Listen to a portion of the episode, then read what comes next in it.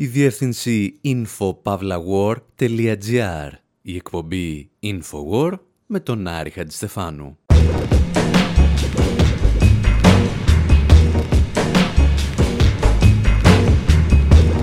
όπου σήμερα συζητάμε με έναν άνθρωπο που φτύσαμε αίμα σχεδόν κυριολεκτικά για να τον συναντήσουμε.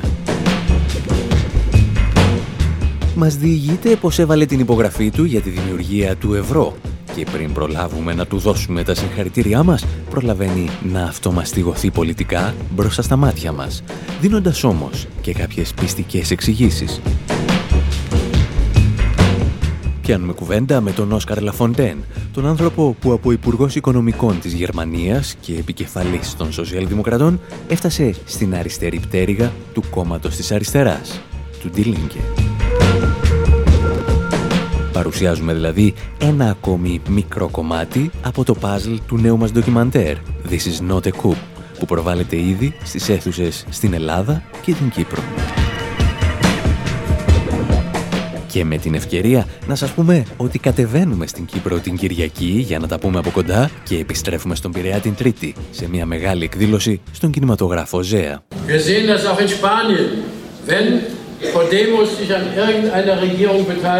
Ο κύριος που ακούτε είναι ο Όσκαρ Λαφοντέν, πρώην Υπουργός Οικονομικών της Γερμανίας, πρώην επικεφαλής των Γερμανών Σοσιαλδημοκρατών, πρώην συμπροεδρεύων του αριστερού κόμματος Ντιλίνκε και νυν επικριτής σχεδόν όλων των προηγουμένων. Πριν από μερικούς μήνες του ζητήσαμε μια συνέντευξη για το ντοκιμαντέρ This is not a coup. Αυτός δέχθηκε άμεσα και εμείς περάσαμε τους επόμενους μήνες προσπαθώντας να τον συναντήσουμε, χωρίς όμως κανένα αποτέλεσμα. Και ενώ ένας από τους βασικότερους κανόνες της δημοσιογραφίας λέει ότι το κοινό σου δεν ενδιαφέρεται ποτέ για τις τεχνικές δυσκολίες που αντιμετώπισες εσύ στη δουλειά σου, εμείς θέλουμε με κάποιον να τα μοιραστούμε. Αρχικά λοιπόν αποφασίσαμε να πετάξουμε μέχρι τη Φραγκφούρτη για να συναντήσουμε τον Όσκαρ Λαφοντέν. Πέσαμε όμως ίσως στη μεγαλύτερη απεργία που έχει πραγματοποιήσει η Λουφτχάντσα την τελευταία δεκαετία. Ανανεώσαμε λοιπόν το ραντεβού μας για το Παρίσι, όπου θα συμμετείχε στο συνέδριο για το Plan B που συνδιοργάνωνε ο Ζαν Μελανσόν. Τη στιγμή όμως που το αεροπλάνο μας προσγειωνόταν στη γαλλική πρωτεύουσα, ξεκινούσε η τρομοκρατική επίθεση στον Πατακλάν και φυσικά η συνέντευξη ακυρώθηκε. Ύστερα από εβδομάδες βρεθήκαμε οδικός και πάλι στη Φραγκφούρτη με προορισμό την εκλογική του περιφέρεια. Αλλά μας ενημέρωσαν ότι ήταν άρρωστος και η συνέντευξη ακυρώθηκε. Και εκείνη ακριβώς τη στιγμή που θα έπρεπε να παραδώσουμε τον ντοκιμαντέρ και μαζί τα όπλα για τη συνέντευξη, αναφωνώντας ποιος Λαφοντέν ο Γερμανός πρώην Υπουργός Οικονομικών ήρθε στην Ελλάδα. Ήταν προσκεκλημένος του Κώστα Λαπαβίτσα στα εγγένεια του Ευρωπαϊκού Δικτύου Ερευνών Κοινωνικής και Οικονομικής Πολιτικής. Μια εκδήλωση την οποία το Infowars σας μετέδωσε απευθείας από τη Θεσσαλονίκη. Και εκεί ακούστηκαν πολύ ενδιαφέρουσες κουβέντες σαν και αυτές. Το μάθημα που πρέπει να μάθουμε είναι πάρα πολύ απλό και το μάθημα είναι το εξής. Η λύση του προβλήματος της Ελλάδας δεν είναι περισσότερη Ευρώπη. Πρέπει να ξεκινήσουμε από αυτό. Δεν πρέπει να, βρούμε, να, να επιχειρήσουμε να βρούμε κάτι το οποίο θα έχει περισσότερη Ευρώπη. Και δεν πρέπει επίσης να προτείνουμε πράγματα τα οποία θα προσπαθήσουν να κάνουν την Ευρώπη καλή και το ευρώ καλό. Αυτό το πράγμα δεν γίνεται. Συνεπή στις θέσεις που εκφράζει εδώ και πάρα πολλά χρόνια σχετικά με την αδυναμία μεταρρύθμισης αυτής της Ευρώπης των Βρυξελών, ο Κώστας Λαπαβίτσας πέρασε και στην ουσία του ζητήματος σε ό,τι μας αφορούσε. Το ευρώ και την Ευρωζώνη. Τα βήματα αυτά που σας παρέθεσα δεν γίνονται με την νομισματική ένωση, δεν θα το επιτρέψουν οι θεσμοί της.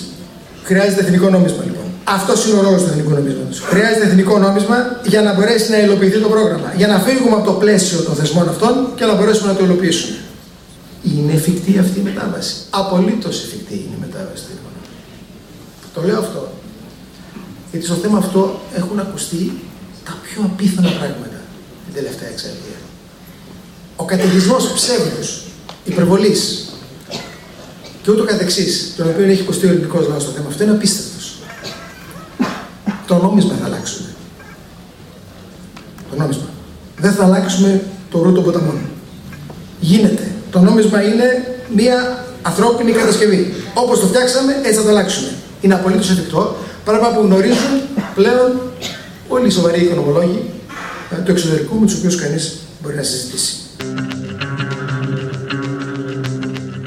Μία από τις μεγάλες διαφορές σε σχέση με προηγούμενες εκδηλώσεις δεν ήταν μόνο όσα έλεγε ο καθηγητής Κώστας Λαπαβίτσας, αλλά και ο άνθρωπος που καθόταν δίπλα του και τον άκουγε. Γιατί δίπλα του στεκόταν ο Όσκαρ Λαφοντέν, ο άνθρωπος που ως Υπουργός Οικονομικών της Γερμανίας έβαλε ίσως τη σημαντικότερη υπογραφή για τη δημιουργία της Ευρωζώνης. Το τι μας είπε όμως ο Γερμανός πολιτικός θα σας τα πούμε εντός ολίγου.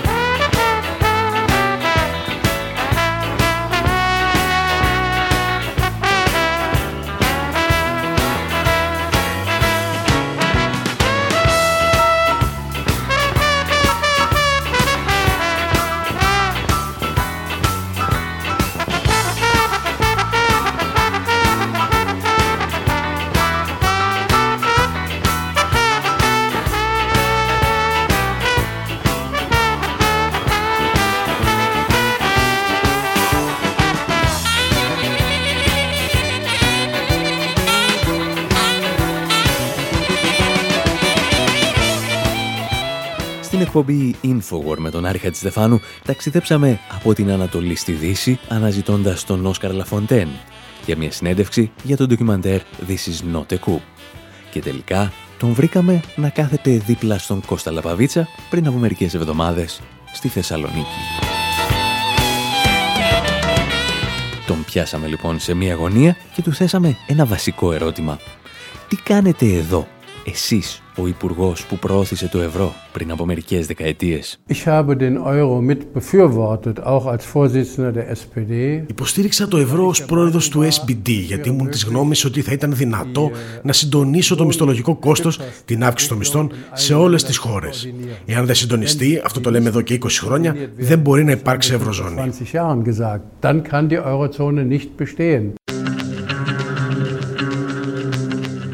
Ο συνομιλητής μας μπαίνει κατευθείαν στην ουσία του ζητήματος. Μια ουσία την οποία είχαμε αγγίξει πριν από χρόνια και στο ντοκιμαντέρ Ντετόκραση. Εξηγούσαμε, αν θυμάστε, μια πολύ βασική ιδέα. Πως όταν η Γερμανία πάγωσε τους μισθούς της, προκάλεσε ένα χάσμα ανταγωνιστικότητας.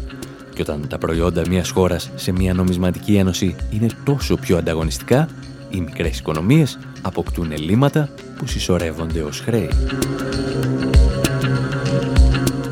Αυτή τη φορά όμως θελήσαμε να προχωρήσουμε την κουβέντα μας και ένα βήμα παραπέρα. Ρωτήσαμε λοιπόν τον Όσκαρ Λαφοντέν εάν μπορεί να υπάρξει μια νομισματική ένωση όταν δεν υπάρχει ένα κέντρο που θα στηρίζει τους αδύναμους, όπως συμβαίνει λόγω χάρη στο εσωτερικό των Ηνωμένων Πολιτειών. Das ist ein strukturelles Problem. Υπάρχει ένα δομικό πρόβλημα. Υπάρχει ένας βασικός κανόνας, τον οποίο δεν επιτρέπεται να παραβλέψουμε. Αυτός ο βασικός κανόνας λέει πως μια ισχυρή οικονομία χρειάζεται ένα ισχυρό νόμισμα και μια αδύναμη οικονομία χρειάζεται ένα αδύναμο νόμισμα.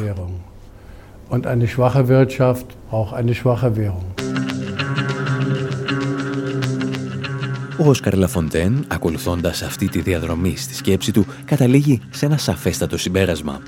Από το ευρώ έχασαν, λέει, όλοι οι λαοί της Ευρώπης. Μόνο που κάποιοι έχασαν κάτι παραπάνω. Bei den äh, Klassen sind die Verlierer die Arbeitnehmer, στο ταξικό σύστημα οι χαμένοι είναι οι εργάτες, οι συνταξιούχοι, δηλαδή οι άνθρωποι που έχουν μικρό εισόδημα από παροχές και το ίδιο ισχύει και στη Γερμανία. Αλλά ιδιαίτερω χάνουν οι χώρες ή οι οικονομίες των λαών, οι οποίες με ένα ισχυρό νόμισμα δεν ευημερούν. Αυτές είναι οι χώρες του Νότου, κυρίως η Ελλάδα, η Ιταλία επίσης, η Ισπανία, η Πορτογαλία και γι' αυτό είναι αξιοπερίεργο για μένα ότι οι κυβερνήσεις σε αυτές τις χώρες υπάκουα παραμένουν εντός του συστήματος του ευρώ.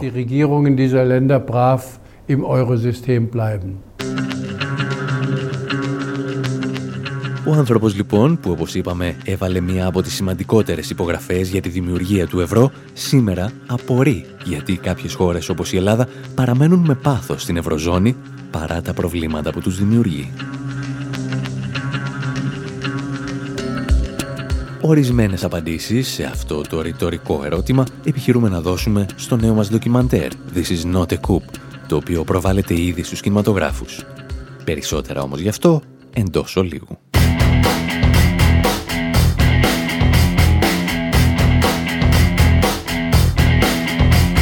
Are building a religion. We are building it bigger. We are widening the corridors and adding more lanes. We are building a religion, a limited edition. We are now accepting callers for these pendant keychains. To resist it is useless. It is useless to resist it. His cigarette is burning, but he never seems to ash. He is grooming his poodle. He is living comfort eagle. You can meet at his location, but you'd better come with cash. Now his hat is on backwards. He can show you his tattoos. He is in the music business. He is calling you dude. Now today is tomorrow, and tomorrow today, and yesterday is weaving in and out. And the fluffy white lines that the airplane leaves behind are drifting right in front of the waning of the moon. He is handling the money He's serving the food. He knows about your party. He is calling you, dude. Now, do you believe in the one big sign, the double wide shine on the boot heels of your prime? Doesn't matter if you're skinny. Doesn't matter if you're fat. You can dress up like a sultan in your onion head hat. We are building a religion. We're making a brand We're the only ones to turn to when your castle's turn to sand. Take a bite of this apple, Mr. Corporate Events. Take a walk through the jungle of cardboard shanties and tents. Some people drink Pepsi, some people drink. Coke. The wacky morning DJ says democracy's a joke. He says, now do you believe in the one big song? He's now accepting callers who would like to sing along. He says, edge? By fastening your safety belts and stepping towards the ledge, he is handling the money. He is serving the food. He is now accepting callers. He is calling me dude. Do you believe in the one big sign? The double wide shine on the boot heels of your prime. There's no need to ask directions if you ever lose your mind. We're behind you, we're behind you. And let us please remind you we can send a car to find you if you ever lose your way. We are building a religion. Στην εκπομπή Infowar με τον Άρη Χατζηστεφάνου ακούσαμε κουβέντες του Όσκαρ Λαφοντέν που θα ακούσετε και στο ντοκιμαντέρ This is not a coup. Ένα ντοκιμαντέρ που δεν θα είχε ξεκινήσει καν χωρίς τη δική σας οικονομική συνεισφορά. Και τώρα, για πρώτη φορά, φτάσαμε και στις αίθουσες. Στην Αττική μας βρίσκεται στο Τριανόν και στον κινηματογράφο Ζέα στον Πειραιά. Στη Θεσσαλονίκη οι προβολές ξεκίνησαν στον κινηματογράφο Μακεδονικών, ενώ στην Κύπρο το This is not a coup προβάλλεται στον πολιτιστικό χώρο Εγκόμιο. Από την Πέμπτη συνεχίζουμε και σε Βόλο και Κορυδαλό. Και αν πάλι θέλετε να τα πούμε και από κοντά, τα πρώτα ραντεβού έχουν ήδη δοθεί.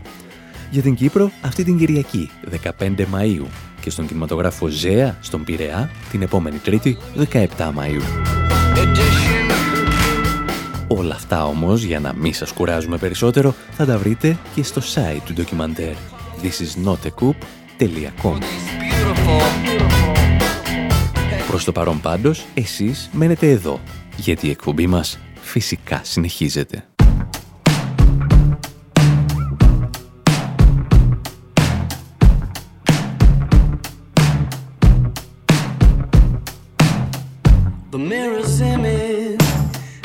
It tells me it's home time, but I'm not finished. Cause you're not by my side. And as I arrived, I thought I saw you leaving, carrying your shoes. Decided that once again I was just dreaming of bumping into you. Now it's three in the morning, and I'm trying to change your mind. Left you multiple missed calls into my message,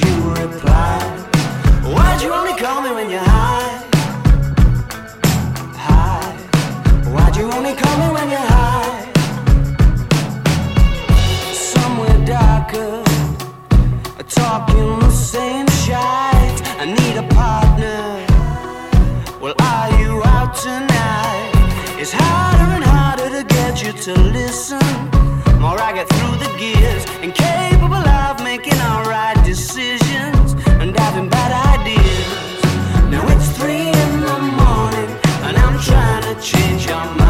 Let's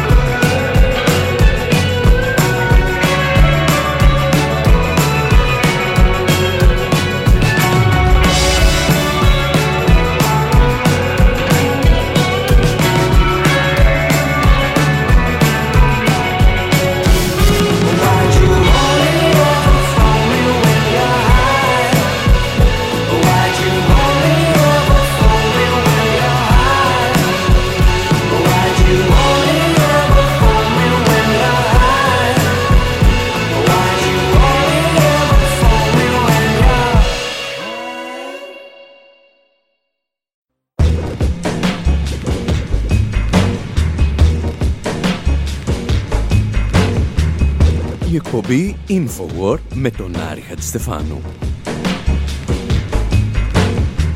όπου σήμερα γιορτάζουμε το γεγονός ότι στη δεκαετία του 50 μια σχολή κλασικής μουσικής αρνήθηκε να δεχθεί μια μαύρη μαθήτρια. Και έτσι όλοι εμείς γνωρίσαμε την Νίνα Σιμών. Συζητάμε για μερικά απορριμματοφόρα που προσπάθησαν να ακυρώσουν μια συναυλία, η οποία τελικά πραγματοποιήθηκε πάνω σε ένα σώρο από φέρετρα. Διηγούμαστε ιστορίες από μια ιέρια της ένοπλης πάλης που δεν είχε καμία όρεξη να ακούει τις θεωρίες της μη βίας από ένα σύστημα που δολοφονούσε τα παιδιά της.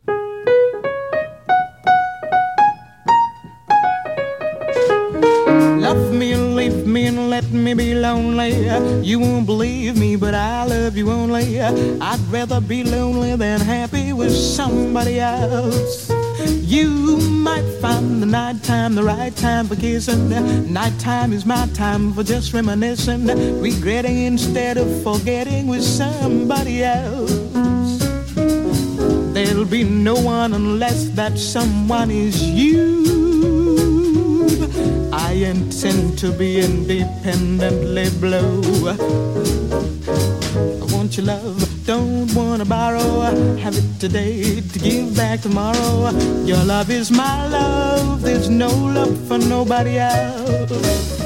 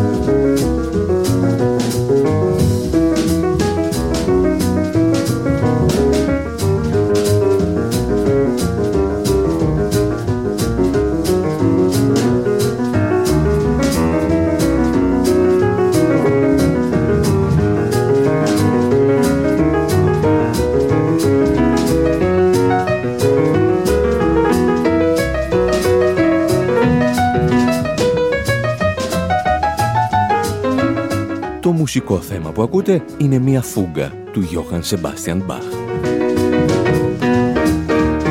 Εάν πάλι νομίζατε ότι είναι το Love Me or Leave Me του Walter Donaldson στην εκτέλεση της Νίνα Σιμών, πάλι δίκιο έχετε. Γιατί κάπου εκεί, στη μέση του κομματιού, η Νίνα Σιμών κάθεται στο πιάνο και παίζει μπαχ. Και αν πιστεύετε ότι όλα αυτά είναι λεπτομέρειες για μουσικόφιλους, εμείς θέλουμε να σας εξηγήσουμε πως πρόκειται για τον απόϊχο μιας πολιτικής σύγκρουσης που ξεκίνησε στις Ηνωμένες Πολιτείες τη δεκαετία του 50 και συνεχίζεται μέχρι τις μέρες μας.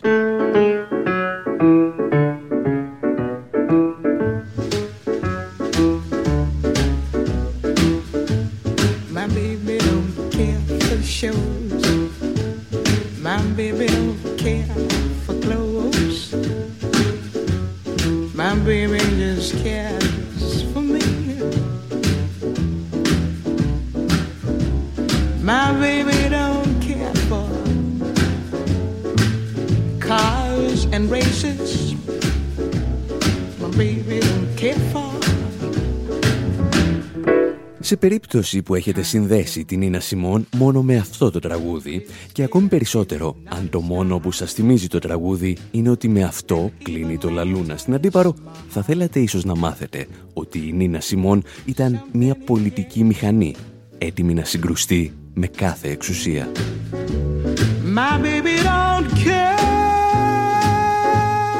Και ίσως η στιγμή που το συνειδητοποίησε και η ίδια να ήταν στα 12 της χρόνια όταν έπαιζε στο πιάνο αυτό εδώ το κομμάτι. Οι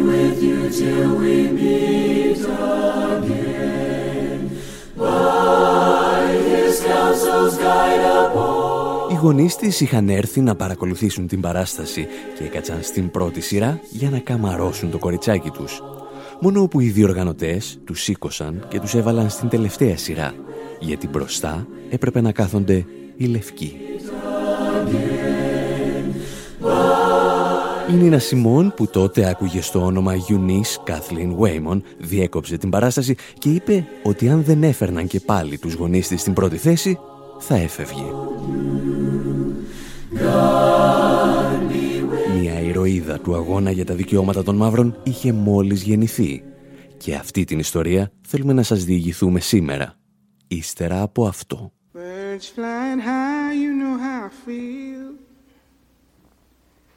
Sun in the sky, you know how I feel. Breeze drifting on by, you know how I feel. It's a new dawn, it's a new day. It's a new life for me, yeah. It's a new dawn, it's a new day.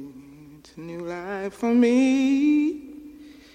Ooh, ooh, ooh, and I'm feeling good.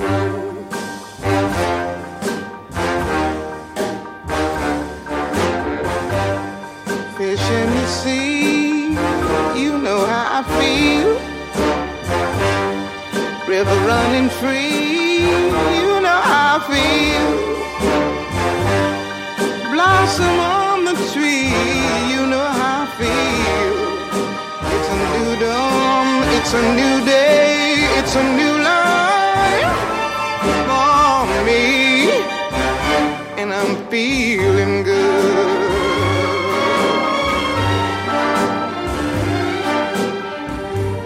Dragonfly out in the sun, you know what I mean, don't you know? Butterflies all having fun, you know what I mean. Sleep in peace when day is done, that's what I mean. And this old world is a new world and a bold world for me.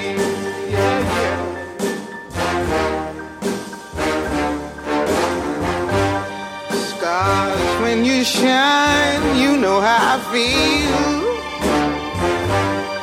Scent of the pine, you know how I feel. Oh, freedom is mine, and I know how I feel. It's a new dawn, it's a new day, it's a new life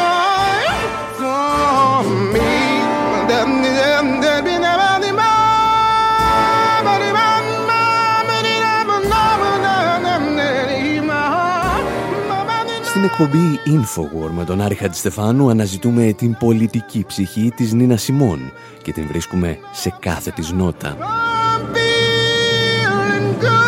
Συνεχίζοντας τη μουσική της πορεία, η μικρή ακόμη Eunice αποφασίζει να σπουδάσει κλασική μουσική στο Curtis Institute for Music. Για άλλη μια φορά όμως, οι πόρτες είναι κλειστές, γιατί είναι μαύρη και φτωχή. Η μόνη λύση για να χρηματοδοτήσει τις σπουδές της είναι να παίζει πιάνο σε ένα μαγαζί στο Atlantic City και για να φτάσει να βγάζει 90 δολάρια την εβδομάδα, το αφεντικό της της προτείνει εκτός από το πιάνο να τραγουδάει κιόλας. Ασχολείται πλέον με αυτό που η μητέρα της αποκαλούσε τη μουσική του διαβόλου, τη jazz και τα blues, μόνο που αυτή τους προσθέτει και στοιχεία κλασικής μουσικής. Για να μην την εντοπίσουν οι γονείς της, αποκτά το καλλιτεχνικό της όνομα. Νίνα, επειδή έτσι τη φώναζε ένα παιδί με το οποίο νταραβεριζόταν και Σιμών από τη Σιμών Σινιωρέ, την οποία έβλεπε στον κινηματογράφο. Τα πραγματικά προβλήματα όμως θα ξεκινήσουν μερικά χρόνια αργότερα, με τραγούδια σαν και αυτό, το Mississippi Goddamn, σε ελεύθερη απόδοση, αναθεματισμένε Mississippi. The name of this tune is Mississippi Goddamn.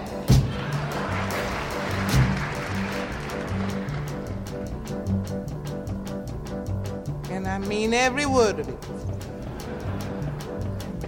Alabama's got me so upset. Tennessee made me lose my rest. And everybody knows about Mississippi. Goddamn. Alabama's got me so upset. Made me lose my rest, and everybody knows about Mississippi. Goddamn, can't you see it? Can't you feel it? It's all in the air.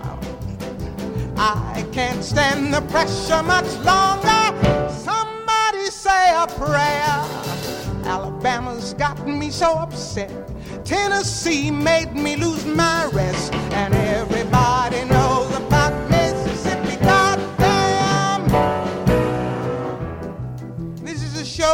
tune, but the show hasn't been written for it yet.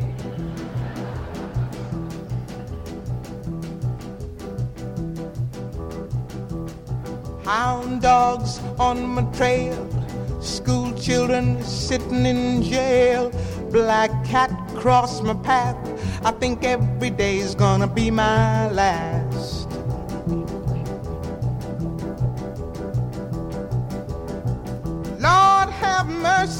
This land of mine. We all gonna get it in due time.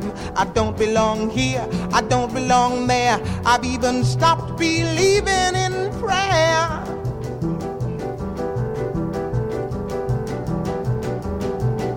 Don't tell me, I'll tell you. Me and my people just about do. I've been there, so I know. Keep on saying, go slow.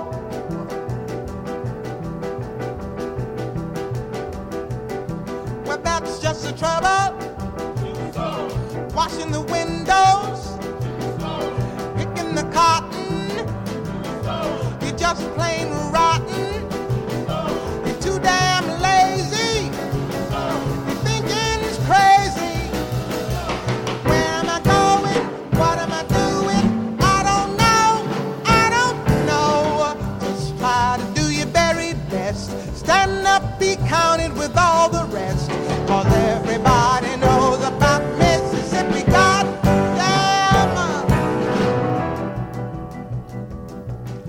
You thought I was kidding,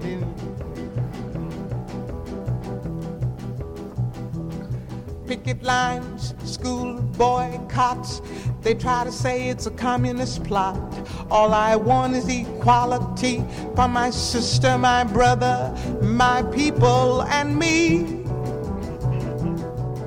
Η Νίνα Σιμών γράφει το συγκεκριμένο τραγούδι μετά τη βομβιστική επίθεση της Ku Klux Klan σε εκκλησία της Αλαμπάμα, όπου σκοτώνονται τέσσερα κοριτσάκια. I have a dream that one day on the red hills of Georgia,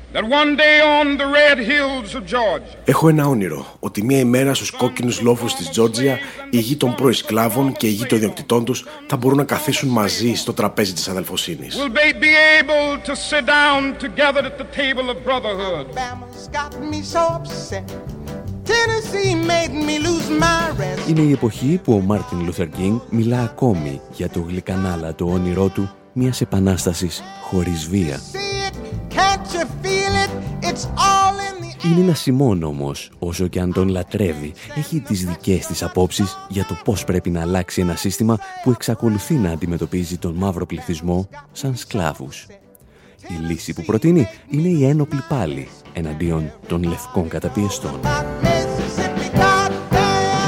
Mississippi. Goddamn. Είναι η αναμενόμενη βίαιη απάντηση απέναντι σε ένα σύστημα που έχει αποδείξει ότι δεν δέχεται καμία άλλη μέθοδος συνδιαλλαγής εκτός από τη βία. Όπως έκανε δηλαδή και η Τζέννη των πειρατών του Μπέρτολ Μπρέχτ, εδώ με την συγκλονιστική ερμηνεία της Νίνα Σιμών. You people can watch while I'm scrubbing these floors, and I'm scrubbing the floors while you're gawking. Maybe once you tip me and it makes you feel swell in this crummy southern town, in this crummy old hotel, but you'll never guess to who you're talking. No, you couldn't ever guess to who you're talking. Then one night there's a scream in the night, and you wonder who could that have been? And you see me kind of grinning while I'm scrubbing, and you say, What she got to grin? I'll tell you. There's a ship The black freighter with a skull on its masthead will be coming in.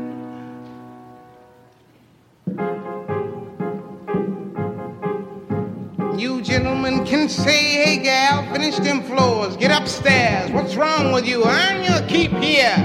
You toss me your tips and look out to the ships, but I'm counting your heads as I'm making the beds, cause there's nobody gonna sleep here. Tonight, nobody's gonna sleep here, honey. Nobody. Nobody.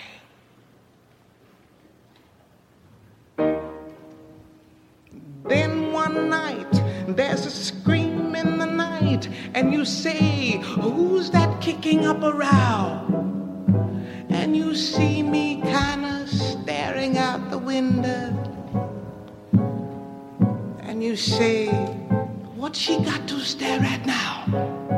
I'll tell you, there's a ship. The black freighter turns around in the harbor, shooting guns from her bow. Η ηρωίδα του τραγουδιού στρώνει καθημερινά τα σεντόνια σε ένα κακόφημο ξενοδοχείο κοντά στο λιμάνι και οι πελάτες για μερικές δεκάρες πιστεύουν ότι είναι υποχρεωμένοι να τους κάνει όλα τα χατήρια. Μέχρι που μια μέρα φτάνει στο λιμάνι ένα πειρατικό με 50 κανόνια και οι πειρατές ισοπεδώνουν τα πάντα. Τα πάντα εκτός από εκείνο το κακόφημο ξενοδοχείο. Why do they spare that one? Οι πειρατές έχουν έρθει για να σώσουν την Τζέννη και να κάνουν ό,τι τους ζητήσει. Και αυτή τους ζητά να μην αφήσουν κανέναν ζωντανό.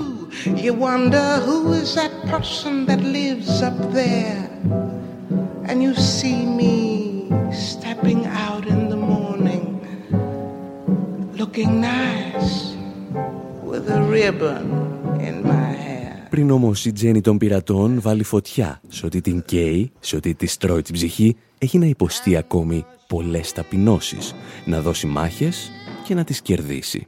Όπως μια ιστορία που διηγούνταν προημερών στο Democracy Now! ο στενός συνεργάτης της, Al Sackman. We were playing at the Village Gate in New York, and uh, we flew down uh, with uh, Nina's husband, Andy Stroud. Θα παίζαμε στο Village Gate της πολιτείας Νέας Υόρκης, οπότε πήραμε ένα αεροπλάνο για το Montgomery. Όταν φτάσαμε όμως δεν μπορούσαμε να προσγειωθούμε. Ο κυβερνήτης της Αλαμπάμα είχε στείλει απορριμματοφόρα και είχε γεμίσει τον αεροδιάδρομο για να μην μπορέσουμε να προσγειωθούμε. Τελικά καταλήξαμε στο Jackson του Μισισίπη, όπου νοικιάσαμε ένα μονοκινητήριο αεροσκάφος. Θυμάμαι ότι δεν μπορούσε να απογειωθεί από το βάρος, οπότε με έβαλα να κάθομαι στο πίσω κάθισμα με τον ενισχυτή για να μπορέσει να σηκωθεί η μύτη του αεροπλάνου. Όταν φτάσαμε στο χώρο της συναυλίας, αφού περάσαμε από την εθνοφρουρά, είδα μια μεγάλη πλατφόρμα. Σήκωσα μια κουρτίνα για να συνδέσω τον ενισχυτή και τότε συνειδητοποίησα ότι όλη η σκηνή στηριζόταν σε φέρετρα. Τα είχαν παραχωρήσει τα γραφεία τελετών των μαύρων του Μοντγκόμερι. Ήταν κάπως ανατριχιαστικό όταν το είδαμε.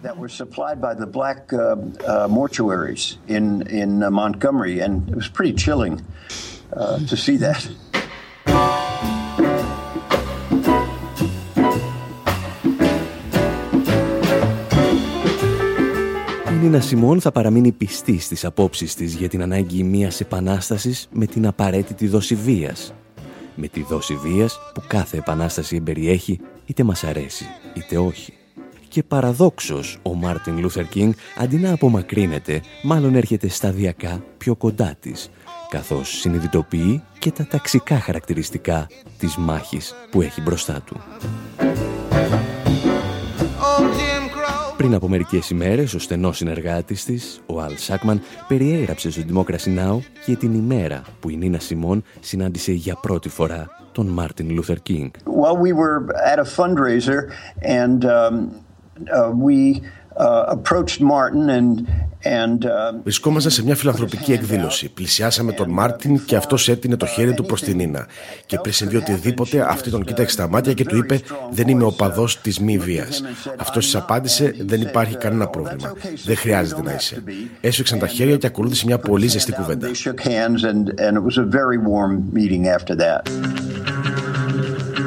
Καθώς ο Μάρτιν Λούθερ Κίνγκ αρχίζει να συνομιλεί με τα πιο ριζοσπαστικά στοιχεία του κινήματος των μαύρων και κυρίως καθώς αρχίζει να μιλά για οικονομική και όχι μόνο φιλετική ισότητα, κάποιοι αποφασίζουν ότι έχει έρθει η στιγμή να πεθάνει. Direct from our newsroom in Washington, in color, this is the CBS Evening News with Walter Cronkite.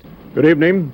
Dr. Martin Luther King, the apostle of nonviolence in the civil rights movement, has been shot to death in Memphis, Tennessee. Ο παρουσιαστής στις πρώτες του λέξεις χαρακτηρίζει τον Μάρτιν Λούθερ Κίνγκ «απόστολο της μη βίας».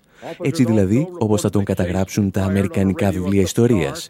Έτσι όπως θα τον κλάψει τρεις μέρες αργότερα και η Νίνα Σιμών. Του κάνει αυτή τη χάρη προς τιμήν του. Ακόμη και αν διαφωνούσε σε πολλά μαζί του. Εδώ, σε ζωντανή ηχογράφηση στις 7 Απριλίου του 1968. We want to do a tune written for today, for this hour, for Dr. Martin Luther King.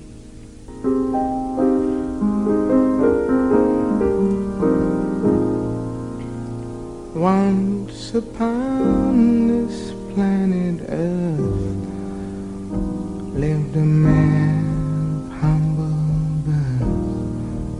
preaching love and freedom for his fellow man.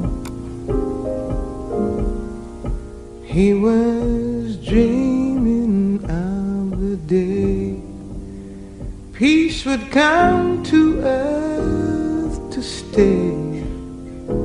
And he spread this message all across the land. Αυτή η ιδιότυπη σχέση της Νίνας Σιμών με τον Μάρτιν Λούθερ Κίνγκ και το κίνημα για τα δικαιώματα των μαύρων θα εμπνεύσει και το ντοκιμαντέρ What Happened Miss Simone που κυκλοφόρησε πρόσφατα στις Ηνωμένες Πολιτείες. Η πολιτική ιστορία ενός θρύλου της κλασικής, της jazz και των blues. Birds flying high, you know how I feel. Sun in the sky, you know how I feel. Και με τους News να παίρνουν τη σκητάλη από την Ίνα Σιμών, εμείς θα σας αφήσουμε και για αυτή την εβδομάδα. Από τον Άρη Χατζηστεφάνου στο μικρόφωνο και τον Δημήτρη Σταθόπουλο στην τεχνική επιμέλεια, γεια σας και χαρά σας. It's a new life for me, yeah. It's a new dawn, it's a new day. It's a new life for me. Ooh, ooh, ooh, ooh. And I'm feeling good.